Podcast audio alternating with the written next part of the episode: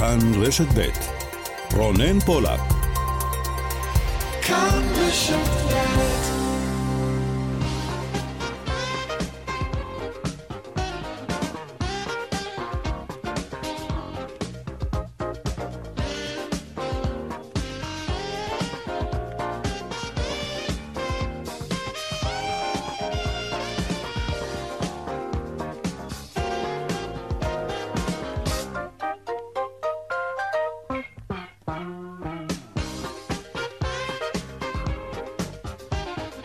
עכשיו ארבע ועוד שש דקות, צבע הכסף, התוכנית הכלכלית כאן ברשת ב', שלום לכם ותודה שאתם איתנו, גם היום, יום שני. מפיקים את התוכנית היום, עמית כהן וקובי זרח. טכנאי השידור רמי פליקס, אני רונן פולק, המייל שלנו, אתם יודעים, כסף, כרוכית כאן, נקודה org.il. אנחנו מיד מתחילים.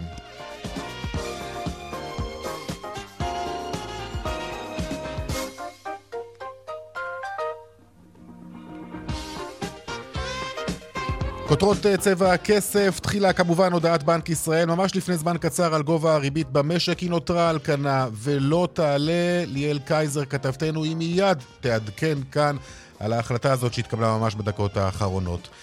נתונים חיובים במשק, השכר הממוצע למשרת שכיר בחודש יולי אה, עלה ב-6% לעומת יולי בשנה שעברה, והוא כ-12,500 שקלים. שלום דנה ירקצי, כתבתנו לענייני כלכלה. שלום רונן, נכון, השכר הממוצע למשרת שכיר ביולי 2023 של כלל העובדים עמדה על 12,500, עלייה של 6% ועשירית לעומת יולי 2022. באשר למספר משרות השכיר, אז בחודש יולי אה, הנתון הזה עמד על 4 מיליון ו-300 אלף, עלייה של 8 עשיריות האחוז לעומת חודש יולי. נרשמה אמנם ירידה קלה של 2 עשיריות האחוז לעומת חודש יוני הקודם. ואלה הנתונים. תודה. אה, דנה, ראש הממשלה נתניהו מבקר בקפריסין. הוא אומר היום כי שוק החלב בישראל ייפתח בקרוב ליבוא מיוון, מקפריסין וממדינות נוספות. נתניהו אמר את הדברים במסיבת עיתונאים משותפת עם אה, עמיתיו, מנהיגי קפריסין ויוון. We are uh, going to uh, soon open our dairy products uh, market, which is long overdue. I think Israelis are going to be a lot happier, and your producers are going to be yeah, a lot. And we happier. like the Israeli markets very much. Yeah. so be prepared for that. Uh, we can. Uh, we can enjoy each other's uh, the, the, benefits of each other's uh, economies in the most direct sense. We intend to open the dairy market very soon uh, to Greek and Cypriot uh, and other imports. May the best yogurt win. You have a pretty good chance of winning. אאוט, שמעתם בסוף. אומר נתניהו, אנחנו נפתח בקרוב את שוק מוצרי החלב שלנו, זה היה צריך להיעשות מזמן. אני חושב שהישראלים יהיו שמחים והיצרנים שלכם יהיו מאושרים מכך. נוכל ליהנות מהיתרונות של השווקים זה של זה, במובן הישיר ביותר. בכוונתנו, אומר נתניהו, לפתוח בקרוב את שוק החלב ליבוא מיוון ומקפריסין וממדינות אה, אחרות. מי ייתן והיוגורט הטוב ביותר ינצח. יש לכם סיכוי טוב לנצח, אומר נתניהו בחיוך. אה, יצרני החלב הישראלים אולי יחייכו פחות כשישמעו את הדברים. ועוד בצבע הכסף בהמשך, אה, קבוצת מכשירי תנועה מהגדולות בענף הרכב הישראלי נכנסת לראשונה לתחום הרכב החשמלי. מדובר בהסכם לרכישת השליטה בחברת EV אה, מוטורס. המעבר למכוניות החשמליות בישראל הוא מואץ ביותר והשוק הסיני מסתמן כאחד הבולטים בתחום. אנחנו נדבר על כך וגם ענף הצימרים סוגר עונה, אחת העונות הקשות ביותר עבורו. עבור הענף הזה ירידה של עשרות אחוזים בהזמנות, בדומה לירידות החדות בבתי המלון, דיברנו על כך כבר בשבוע שעבר. האם הישראלים מצביעים ברגליים? כנגד המחירים הגבוהים פה של החופשות בארץ? כנראה שכן. נדבר על כך, וגם הדיווח בשוקי הכספים כרגיל לקראת סוף התוכנית, צבע הכסף, עד חמש. אנחנו מיד ממשיכים.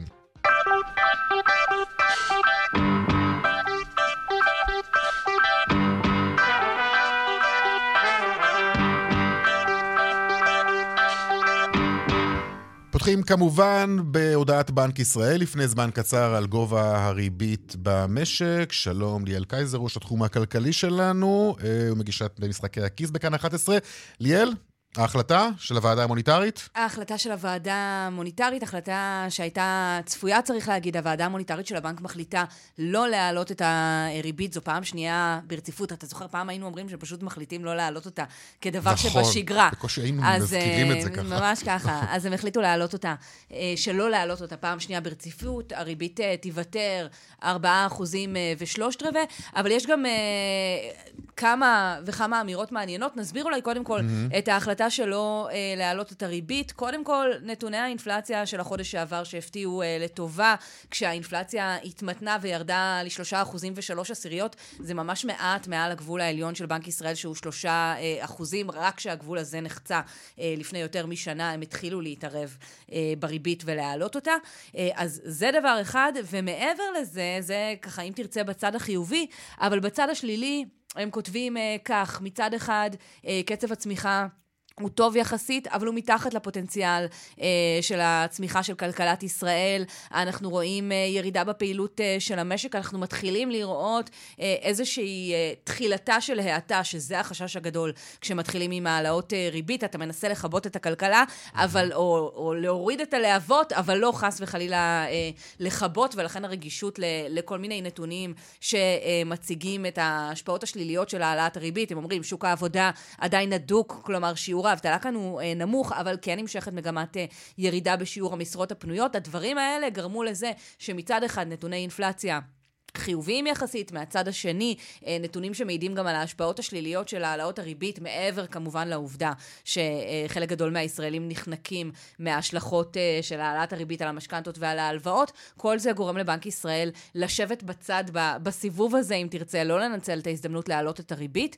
אבל כמו שאמרנו, כמה אמירות חשובות. אחת מהן היא האמירה שמבהירה, לא סיימנו עם אה, העלאות הריבית, כותבים ככה בבנק ישראל, מבהירה הוועדה המוניטרית, האינפלציה עדיין רוחבית וברמה גבוהה, לכן הוועדה, אמנם מסתמנת האטה באינפלציה, ולכן הוועדה החליטה להותיר את הריבית על כנה, אך רואה היתכנות לא מבוטלת להמשך העלאה של הריבית והחלטותיה הבאות, ככל שסביבת האינפלציה לא תמשיך להתמתן בהתאם למצופה.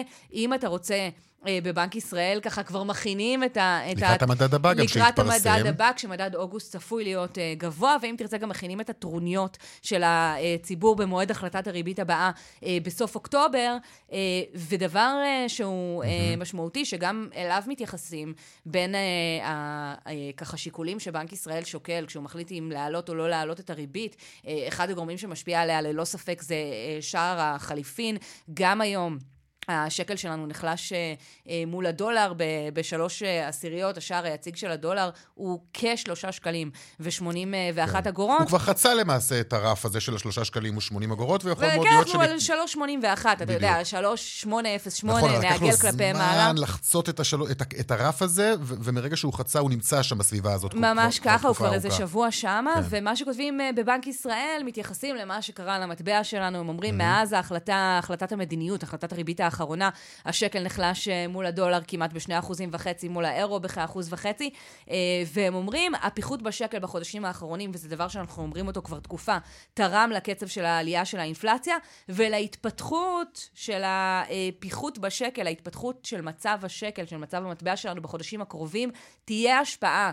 על דינמיקת האינפלציה. בשורה התחתונה, מה שאומרים uh, בבנק ישראל, זה כשהשקל שלנו uh, נחלש, האינפלציה מטפסת, מאחר שכל מוצר שאנחנו קונים פתאום שווה יותר שקלים.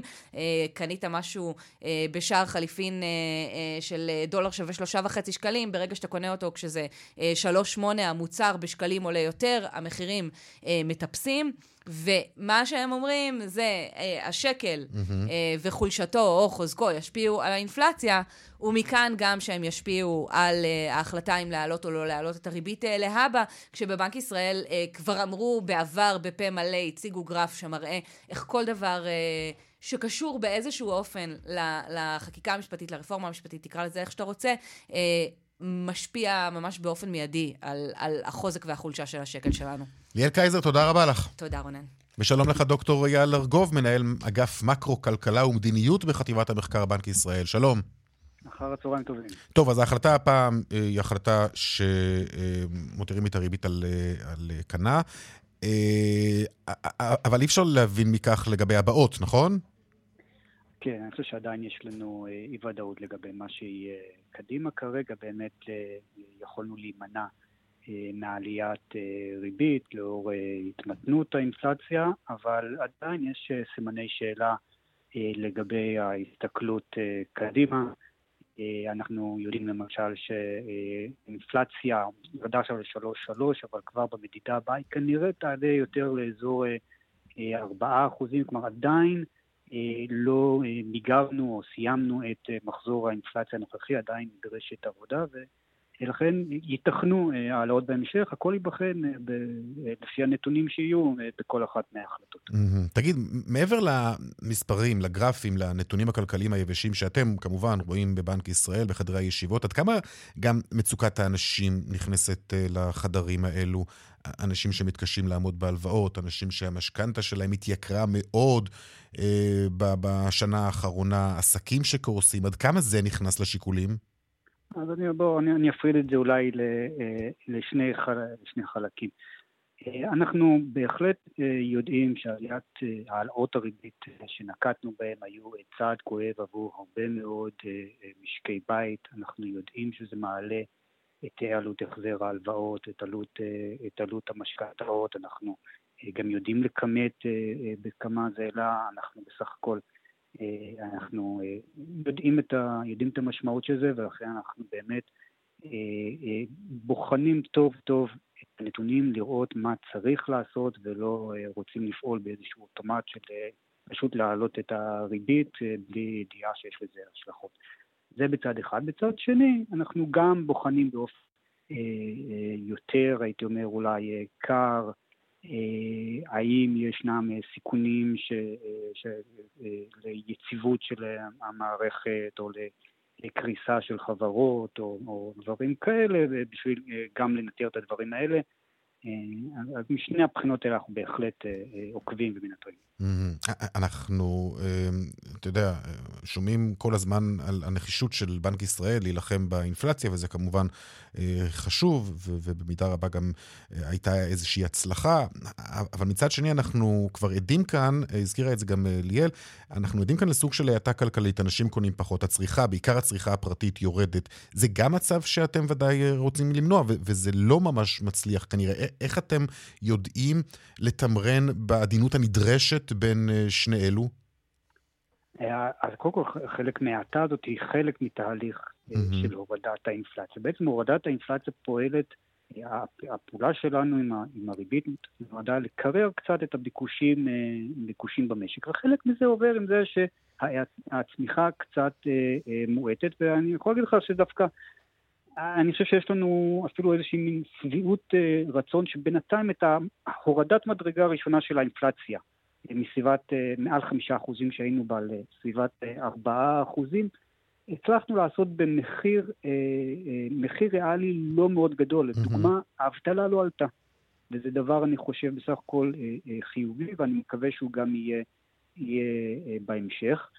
אה, שנצליח להוריד את המינון האחרון של האינפלציה, אה, גם, אה, גם ללא פגיעה משמעותית במשק. וכמובן זה חלק ממכלול של דברים שאנחנו רואים. אנחנו אמנם היעד המרכזי שלנו, הפחתת האינפלציה, זה התפקיד הראשון שלנו. אגב, גם לצד זה שאמרתי על הפגיעה שאנחנו יודעים באנשים מהעלאות הריבית, אנחנו גם מודעים לזה שאם היינו נותנים לאינפלציה להמשיך ולעלות, אה, הפגיעה והכאב היו הרבה יותר אה, גדולים לאנשים שפשוט מאוד ההכנסה שלהם הייתה נשחקת כל הזמן בגלל עליית מחירים. סך הכל פעלנו כאן, אני חושב, דווקא, mm-hmm. כמובן לעזור לציבור, ואגב, עוד יותר מזה לשכבות החלשות שהם הנפגעים. אז איך, נכון, ואיך באמת עוזרים להם? למה מהלכים כאלו לא מלווים אולי ב...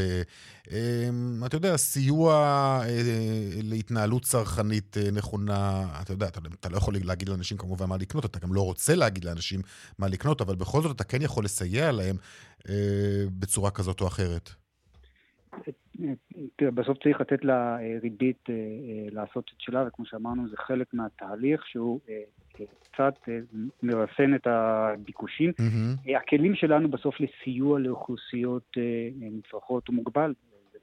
בסוף זה לא במגרש של בנק ישראל. אתה אומר, את החלק שלנו אנחנו עושים, יש גורמים נוספים שאמורים לעשות ואולי הם עושים פחות. אני לא יודע אם בהכרח אה, אה, עושים פחות או, או לא עושים אה, מספיק, ובנק ישראל כן מנסה לעודד, למשל, בכלים שלו. אה, צרכנות פיננסית נכונה, וגם בתוך כל התקופה הזאת, ועלו ביקורות על המערכת הפיננסית, אז גם השקנו כלים כדי לה- להגדיל את הכוח של הציבור בתוך ההתנהלות הפיננסית שלו בשביל לשפר את אה, מצבו. בהחלט צריך אה, לעשות שם דברים, חלקם במגרש שלנו, ומשתדלים לעשות אותם, הרבה מהם אה, הם בסוף לא במגרש שלנו. תגיד, לגבי שער החליפין, אה, שהוא ניצב כרגע על אה, שלושה שקלים אה, ושמונים אגורות, השקל לעומת אה, הדולר, אה, אתה יודע, יש, זה כמובן גם פקטור שמעיד על מצב אה, מסוים. אתם מודאגים מההיחלשות של השקל? וצריך לומר גם, אנחנו רואים את כל הדברים האלו קורים בהמשך לאירועים, בהמשך לדיונים הפוליטיים שאי אפשר להתעלם מהם, המהפכה המשפטית, הרפורמה המשפטית, ההשפעות שכבר ציינתם בדוחות קודמים שקיימים כמובן על המצב הכלכלי. בהחלט, אי אפשר להתעלם מכמה דברים שקרו. אחד, זה התנודתיות הרבה של השקל בסדר גודל של החצי שנה, השנה האחרונה, הוא יותר תנודתי ממה שהכרנו בעבר, ואנחנו רואים אותו גם מגיב לאירועים ולהתרחשויות להתרחשויות פוליטיות. אנחנו גם רואים שהשקל חלש יותר ממה שהיינו מצפים, בהינתן למשל מצב המניות בעולם. כן. בשנתיים הקודמות ראינו קשר ממש הדוק בין השינויים במצב הפיננסי העולמי לבין שער החליפין, והקשר הזה נשבר, ואנחנו בשנה, בחצי שנה האחרונה, ואנחנו רואים את שער החליפין של ישראל חלש יותר. ההשלכה של זה מבחינתנו היא ששער החליפין חלש יותר, עליית הדולר כן. מייקרת, את, מעלה את האינפלציה, היא פועלת לעליית מחירי המוצרים המיובאים והשכירים בישראל, היא עלולה להקשות עלינו בתהליך הפחתת האינפלציה, וככל mm-hmm. שזה באמת יקרה, זה יכול להשליך על הריבית שתיקבע בהמשך. אוקיי, okay, שאלה אחרונה שאני רוצה לשאול אותך, אם תוכל תשובה קצרה, עד כמה אתם מודאגים גם ממה שקורה בענף הבנייה? אנחנו רואים האטה מסוימת בהתחלות הבנייה, בסך הכל עדיין התחלות הבנייה הן ברמה מספקת, 60 אלף התחלות בנייה, לפחות שאנחנו מכירים תחילת 23, הרמה היא מספקת, צריך למנוע בעצם ירידה נוספת בהתחלות הבנייה בשביל שלא ייווצר מחדש לחץ על המחירים. אוקיי, דוקטור אייל ארגוב, מנהל אגף מקרו-כלכלה ומדיניות בחטיבת המחקר בנק ישראל, תודה רבה לך. תודה רבה לכם, המשך יום טוב. להתראות. ממשיכים בנושא הזה האחרון ששוחחנו גם עם דוקטור ארגוב, המשבר בדיור, עם חברות בנייה שנקלעו ונקלעות לקשיים כלכליים בעקבות המהלכים האלו האחרונים של בנק ישראל, העלאות הריבית. שלום עופר שגיב, מנכ"ל ובעלים חברת מיטל הנדסה ויושב ראש ארגון קבלני מחוז חיפה, שלום. שלום, שלום רב, אחר הצהריים טוב. עצרת את נשימתך היום לפני ההודעה של בנק ישראל? אני לא, אני לא עצרתי את נשימתי, אני הערכתי שיכול להיות שהוא יעלה ב-0.25 או שיישאר קבוע, קיוויתי מאוד שלא יעלו את הריבית, היא משפיעה לרעה מאוד על כולנו, גם על הרוכשים וגם על המוכרים, ואני שמח שלא העלו אותה, רק שזה לא מספיק, זה לא מספיק. רמת הריבית היום היא רמת... כן, ואנחנו שומעים גם, אנחנו שומעים גם מבנק ישראל, לפחות מהרמזים שניתנים לנו כבר, שכנראה זאת לא תהיה העלאה, שכנראה גל העלאות לא, לא, לא, מסתיים, לא יסתיים, למרות שהפעם הריבית לא עלתה. תראה, אני חושב שזאת טעות גדולה. להתייחס רק לאינפלציה, זו טעות גדולה מאוד. יש לריבית, יש עוד משמעויות נוספות. אגב, גם שמשפיעות על האינפלציה. כל עלייה בריבית mm-hmm. משפיעה על עליית השכירות, והשכירות כן משפיעה על האינפלציה. זאת אומרת, עליית הריבית בעצם גורמת לעליית האינפלציה, זה במישור הזה. ויש מישור שאנחנו, הוא לא, הוא לא נתון למדידה של הלשכה המרכזית לסטטיסטיקה בנושא של ה... אינפלציה, אבל זה הנושא של מחירי הדירות והיצע הדירות, ושם אני חושב שאנחנו נכנסים מיום ליום שוקעים ושוקעים יותר בבוץ. תראה, אנחנו רואים אה, את תמונת המצב של חברות הבנייה אה, בימים האלו, אנחנו משוחחים עם לא מעט קבלנים, אנחנו קוראים דוחות כספיים, אנחנו רואים, וזו תמונת מצב שהיא לא פשוטה בכלל. אנחנו שומעים אותם, אתכם, את הקבלנים, זועקים שהריבית אה, אה, גבוהה לכם, אה, רבים מחברות הבנייה לקחו הלוואות גדולות שהתייקרו, מינופים גדולים עבור ההלוואות, אה, וכעת אנחנו רואים גם אה, דברים אולי שלא ראינו בעבר, ממש קריסה של חברות בנייה. אה, כאמור, גם דוחות כספיים שבהם נרשמים הפסדים, לא רק לחברות הקטנות והבינוניות, אלא גם לחברות בנייה גדולות. לאן זה הולך? זה, זה לא הולך למקום טוב, זה הולך לכל, למצב שכל אחד יסתגר בתוך עצמו, יראה איך הוא פותר את הבעיות שהוא נמצא בהן מבחינת המימונים, אבל הוא בוודאי ובוודאי לא ייכנס להרפתקאות אה, חדשות, ככה אני מעריך, ואנחנו רואים, זאת אומרת, זה מה שאנחנו רואים שקורה היום mm-hmm. במכרזים חדשים. אה, הולכים אליהם, הולכים אליהם במשורה, אה, כנראה שהולך אליהם מי שבסופו של דבר אולי חסר לו ואין לו בכלל מלאי, אבל כל מי שיש לו כנראה ישמור על עצמו, כי יש פה אה, סכנה, יש פה פשוט סכנה מאוד גדולה. אני רוצה להסביר. אנחנו מדברים על עלייה בסביבת הריבית של יותר מפי שלוש. זאת אומרת, עלייה מסביבת ריבית של 2.3 אחוז, שזה מה ששילמנו, שילמו קבלנים, בוא נאמר בין 2.3 ל-2.5, כן, לפני שנה. לפני שנה, לסביבת ריבית של 8 אחוז. זאת אומרת, מה ששילמתי קודם במשך שלוש שנים וחצי, אני משלם עכשיו בשנה. המשמעות הנגזרת של זה היא ברורה. קבלנים שלוקח להם להוציא היתר בנייה בין שנתיים, אם היה לוקח לנו להוציא היתר בנייה חצי שנה, אני מניח שאת השיחה הזאת לא היינו מנהלים. אבל קבלנים שלוקח להם, וזה המצב, לוקח להוציא היתר בנייה במדינת ישראל בין שנתיים וחצי לשלוש, זה כבר לא משהו זניח, אנחנו מדברים רק על עלייה של סדר גודל של בין 20 ל-25 אחוז במחיר הקרקע עד שאנחנו נכנסים לתחילת הפרויקט. וגם אחרי זה. כן. ועקב מצ... עקב מצבם הקשה של הלקוחות, אז אנחנו, הרבה פעמים, יש הרבה לקוחות שמבקשים לשלם ב-2080, ואז זה אומר שהמימון של הקבלן ימשיך עד בעצם לסוף הפרויקט. הנגזרת של זה היא נגזרת מאוד לא פשוטה. מה, אתה מאוד... שומע את הסיפורים? חברות שנקלעות לקשיים, חברות שעלולות לקרוס? תראה, אני לא יודע לקרוס, כי אתה יודע, אף אחד לא מספר לנו בדיוק mm-hmm. כמה ספיירים יש לו וכמה הוא מסוגל אה, לגייס או לא לגייס או למכור כל מיני אה, נכסים. בבירור, מה שזה גורם, העלייה הזאת גורמת לזה שגם אם קבלן רוצה להוריד את מחירי הדירות, הוא לא יכול. הוא לא יכול כי יש לו איזשהו מין ריבית כזאת, שיושבת עליו ועולה לו בלמעלה מ... כמו שעשינו חשבון קודם, למעלה מ-10, 15, אני לא יודע כמה... רגע, אחוזים. מה שאתה אומר, מה, שקבלנים לא מורידים מחירים עכשיו? אה, תשמע, אני לא יכול, אתם רואים כמוני את השוק, אני, אני לא אוהב לדבר על מחירים, אני מעריך שאם אה, עושים אה, הורדות מחירים זה בשוליים, כי פשוט הריבית לא מאפשרת את זה. Uh-huh. אני בטוח שאם הריבית הייתה מאפשרת את זה, קבלנים היו מורידים מחירים. כן. בוודאי שהם היו מורידים, היא לא מאפשרת אוקיי, את זה. אוקיי, זה בצד של הקבלנים.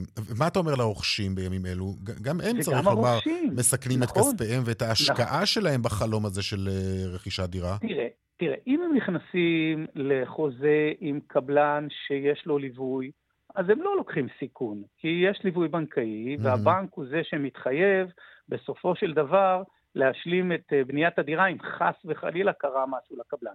זה לא קבוצת רכישה, זה יזם שעובד עם ליווי בנקאי, וכאן כאן ל, ל, לרוכש אין סכנה. איפה המצוקה של הרוכש? המצוקה של הרוכש היא עליית הריבית, שיקרא לו את כל, מה שנקרא, כל 100 אלף שקל שהוא לוקח, זה ייקר לו מאוד את, ה, את ההחזר שלו.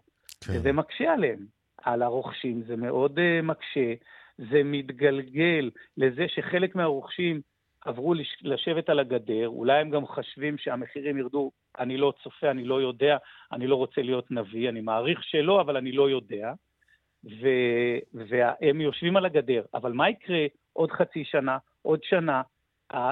עוד ועוד אנשים יושבים על הגדר. אנחנו גם עדים לזה מהמם. שבשנה האחרונה היו, הייתה עלייה של 75 אלף עולים חדשים, שזה שובר שוויון גם.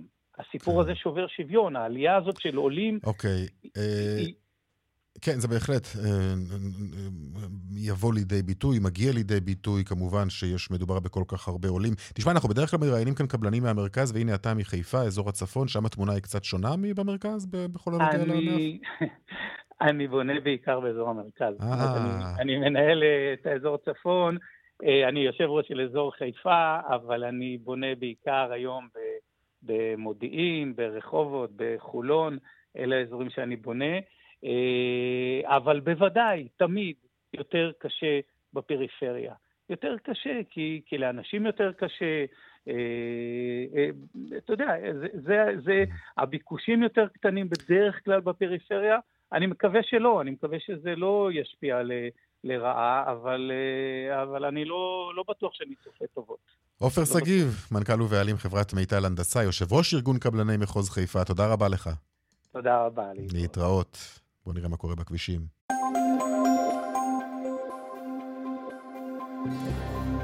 טוב, אה, דרך ארבע צפונה עמוסה מרעננה מרכז עד צומת הדסים, באיילון צפונה עמוס ממחלף חולון עד גלילות, ודרומה ממחלף רוקח עד לגוארדיה. דרך שש צפונה עמוסה ממחלף קסם עד ניצני עוז, ודרומה מנחשונים עד בן שמן. דיווחים נוספים, כוכבי 9550, או במוקד התנועה באתר כאן. אה, חסות? כן, בוא נשמע חסות. אז עכשיו הפסקת פרסומות, אחר כך אנחנו נדבר על אה, כלי הרכב החשמליים, בעיקר אלו שמגיעים מסין. השוק הסיני מסתמן בהחלט כאחד השווקים המואצים ביותר, ונדבר גם על ענף הצימרים שסוגר עונה. מה זה עונה? אחת העונות הקשות ביותר עבורו, עם ירידה של עשרות אחוזים בהזמנות. פרסומות כבר חוזרים. וכאן צבע הכסף, 36 דקות אחרי 4. עכשיו לענף הרכב, עם עסקה גדולה שנחתמה היום בין קבוצת מכשירי תנועה, מהגדולות בענף, ל-EV Motors. מדובר בהסכם לרכישת אה, מניות השליטה ב-EV Motors, אה, חברה המתמחה ביבוא כלי רכב חשמליים מסין. אה, וזה הטרנד היום, ללא ספק, הגידול ברכישת כלי הרכב החשמליים בישראל. אה, מסין, המעבר המואץ למכוניות אה, חשמליות. שלום צבי נטע, יושב ראש ובעלים קבוצת מכשירי תנועה, שלום. שלום רונן. יהיה, אנחנו מדברים על שווי רכישה של כ-40 מיליון שקלים, ולראשונה אתם נכנסים אה, לתחום הרכבים החשמליים הסינים. תגיד, איך זה קרה שהשוק הסיני ככה השתלט עלינו? ואני מזכיר לך, זה שוק שהישראלים תמיד היו מאוד uh, חשדניים כלפיו, ודאי כשמדובר במוצרים גדולים ויקרים, ולא ככה סתם מוצר זול מאלי אקספרס. אה, קודם כל, אני חושב שהיצרנים הסינים, Mm-hmm. שמאוד מאוד התפתחו ב-20 שנים האחר- האחרונות, אה, להזכירך שסין היא יצרן הרכב הגדול בעולם, והיא יצרן הרכב החשמלי הגדול בעולם, לפחות שלוש פעמים יותר גדול מארצות הברית. במדינת ישראל, מדיניות הממשלה הייתה לת, לתת אה, יתרון לרכב החשמלי, כך שרכב חשמלי אה, משלם רק 35 אחוז אה, מס, עד עכשיו רק 20. כן, זהו, זה, ו- זה יתרון שהולך ומצטמצם אה, מדי שנה, גם בשנה שעברה, גם בסוף השנה הזאת זה יקרה. אה, נכון, מצד אחד הוא הולך להצטמצם, אבל עדיין הוא נותן יתרון גדול. עכשיו, בנוסף לכך, אה, עלות ייצור הרכבים בסין בכלל, והמותגים שמגיעים לארץ בפרט. אה, הוא זול יותר מאשר הרכבים שמייצרים באירופה, אמריקה, אפילו טורקיה, יפן.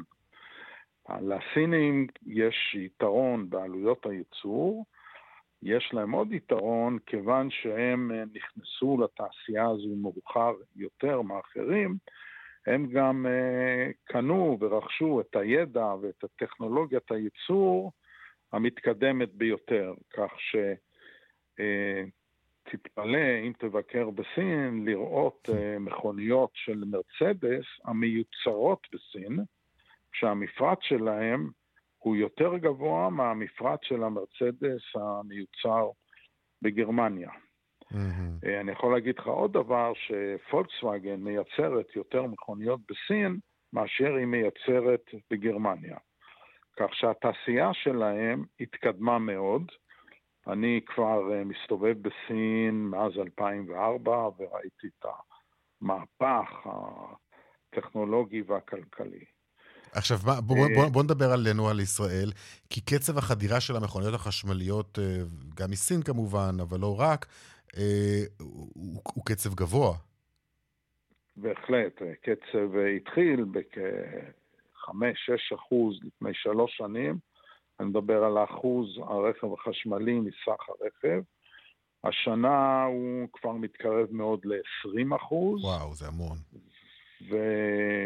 ולמרות שיהיה, אה, בואו נגיד, אה, מס קצת יותר גבוה לחשמלי, אנחנו חושבים שבשנה הבאה כבר יהיה יבוא של 40 אחוז מהרכב הפרטי יהיה חשמלי. וואו, תשמע, זה באמת קצב אה, גדול, וצריך לומר גם...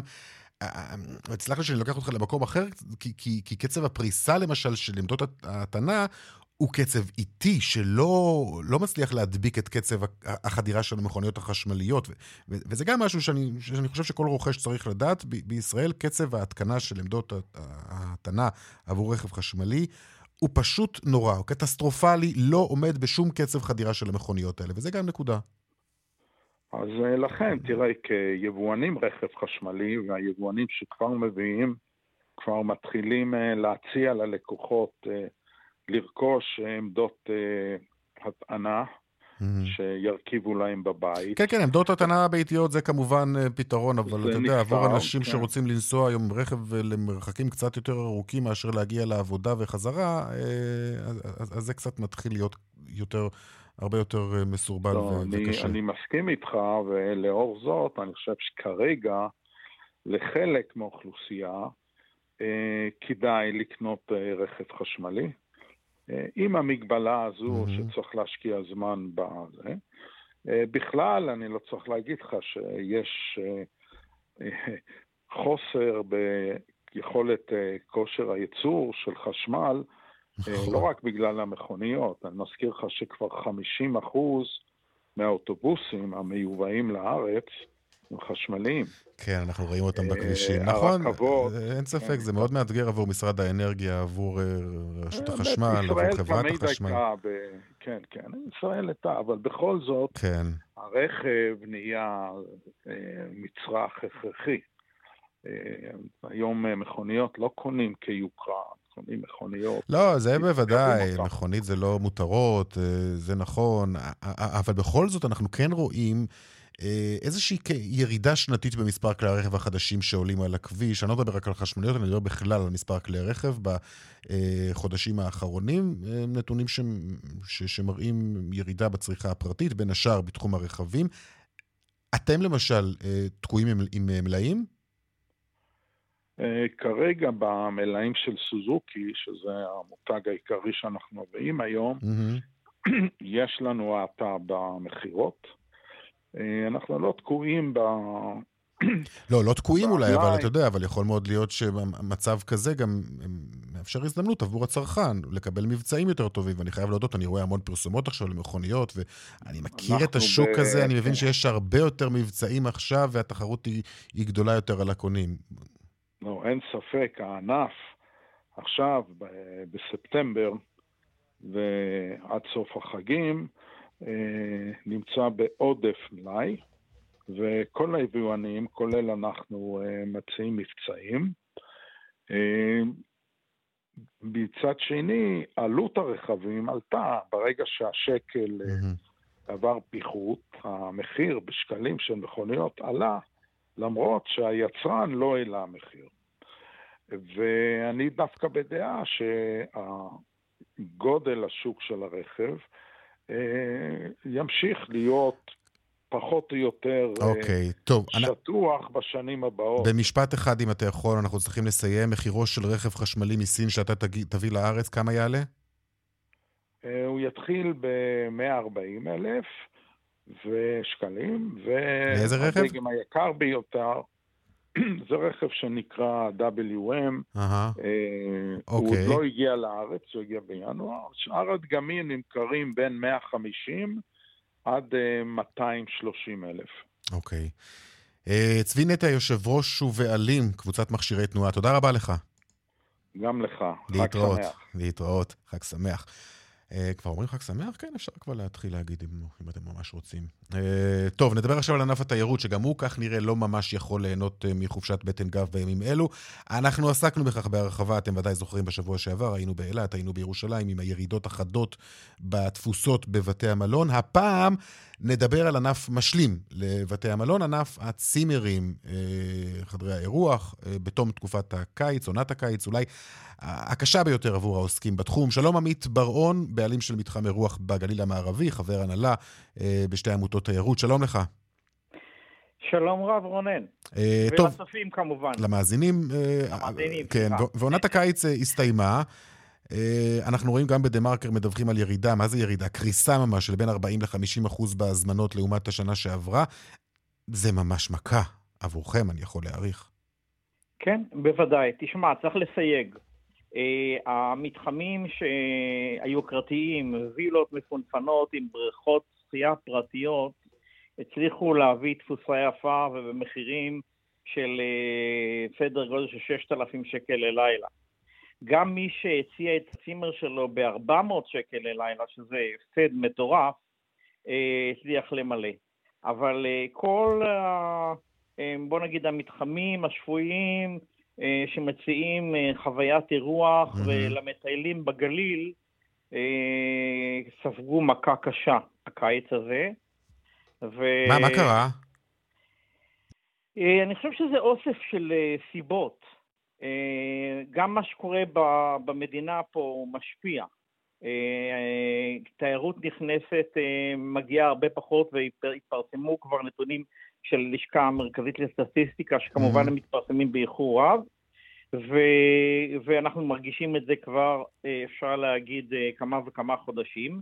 וגם תיירות הפנים, הרבה, כל הישראלים, בוא נגיד ככה, שיש להם את האמצעים, העדיפו לנפוש בחוץ לארץ וקצת להתנתק, אסקפיזם, מה שנקרא, ממה שקורה פה מבחינה חברתית, ביטחונית וכלכלית. תגיד, יכול להיות שהציבור גם קצת נוקם? כי אנחנו זוכרים את הזעם שהופנה כלפיכם בשנה. שעברה, תשמע, אחרי שכל ענף התיירות נפתח מחדש אחרי הקורונה, ואז המחירים היו, איך לומר, אה, בשמיים, אם לא למעלה מכך. יכול להיות שזה מה שקורה? אני אה, ראי, שמעתי את הטענה הזאת, אני חושב שלא. מהמם. אני חושב אה, שני דברים. א', צריך להבין שהישראלים בדרך כלל משווים חדר במלון בחו"ל לצימר בארץ. צימר בארץ זה לא חדר במלון. צימר בארץ זה בית שלם עם חדרים, עם מטבח, עם גינה, עם uh, מקום לילדים להסתובב.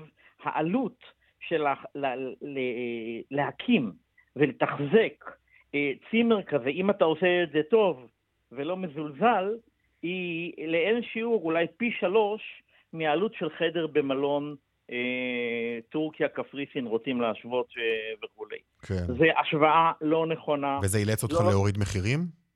בוודאי, אנחנו הורדנו מחירים אה, בצורה דרסטית, דרמטית, רק כדי להחזיק מעמד. תשמע, מה, מכמה לכמה? מסדר גודל של, אה, אה, בוא נגיד, אה, 1,700, 1,500 שקל ללילה ל-1,000 שקל ללילה למשפחה של אה, שני הורים ושני ילדים. כמובן שזה, כמובן שזה משתנה אה, בהתאם לאיזה, אצלנו יש כמה בתים. אנחנו בכלל, המתחם שלי הוא מתחם שונה מהצימרים הרגילים, אנחנו גם לא קוראים לזה צימרים. בתי אירוח משפחתיים. לא, לא, בסדר, בוא לא נתמקד דווקא כן, בצימרים האלה, אבל אני אנחנו... באופן כללי. באופן כללי, אנחנו מדברים על. כך שבעלי הצימרים אה, כן. נאלצו להוריד אה, מחירים. אה, נכון, ועדיין- אנחנו מדברים על ירידות מאוד גבוהות. כן, נכון. כן. ואנחנו לא נוכל להחזיק מעמד. במחירים האלה, כי אתה, תראה, ברגע שאתה מקבל, כן. אתן לך דוגמה, אתה מקבל אין לנו אלף הרבה שקל, זמן, כן, אבל... אה, נעשה את זה בקיצור, כן. אתה מקבל אלף שקל ללילה, המדינה, מיד- המדינה מיד לוקחת ממך קרוב ל-50 אחוז, 17 אחוז מע"מ, אה, ביטוח לאומי 21 אחוז, ומס הכנסה, אתה. באותו רגע, לפני כן. ששילמת חשמל, ארנונה, ניקיון, כביסה. כן, לא הרבה הוצאות. אין ספק. זאת אומרת, לא לא נשאר. המדינה כן. הזאת יקרה. אוקיי, היא המדינה יקרה, את זה. אנחנו יודעים, זה נכון, אולי זו הסיבה שאנשים נסעו באמת לחו"ל, למרות שגם הדולר התייקר, הכל התייקר, גם באירופה יקר היום. טוב, אנחנו חייבים לסיים, עמית בר- אה, בר-און, אה, אה, מתחם אירוח בגליל המערבי. כן. תודה רבה לך, אה, לא דבר, תודה לך. להתראות. בדרך 66 דרום העמוס מיוקנעם עד קיבוץ מגידו, דרך 4 צפון העמוסה מרעננה, מרכז עד צומת הדסים, דרך החוף צפון העמוסה מגעש עד נתניה, דיווחים נוספים, כוכבי 9550 או בא- ובאתר שלנו, פרסומות, כבר חוזרים עם- עם הדיווח בשוקי הכספים.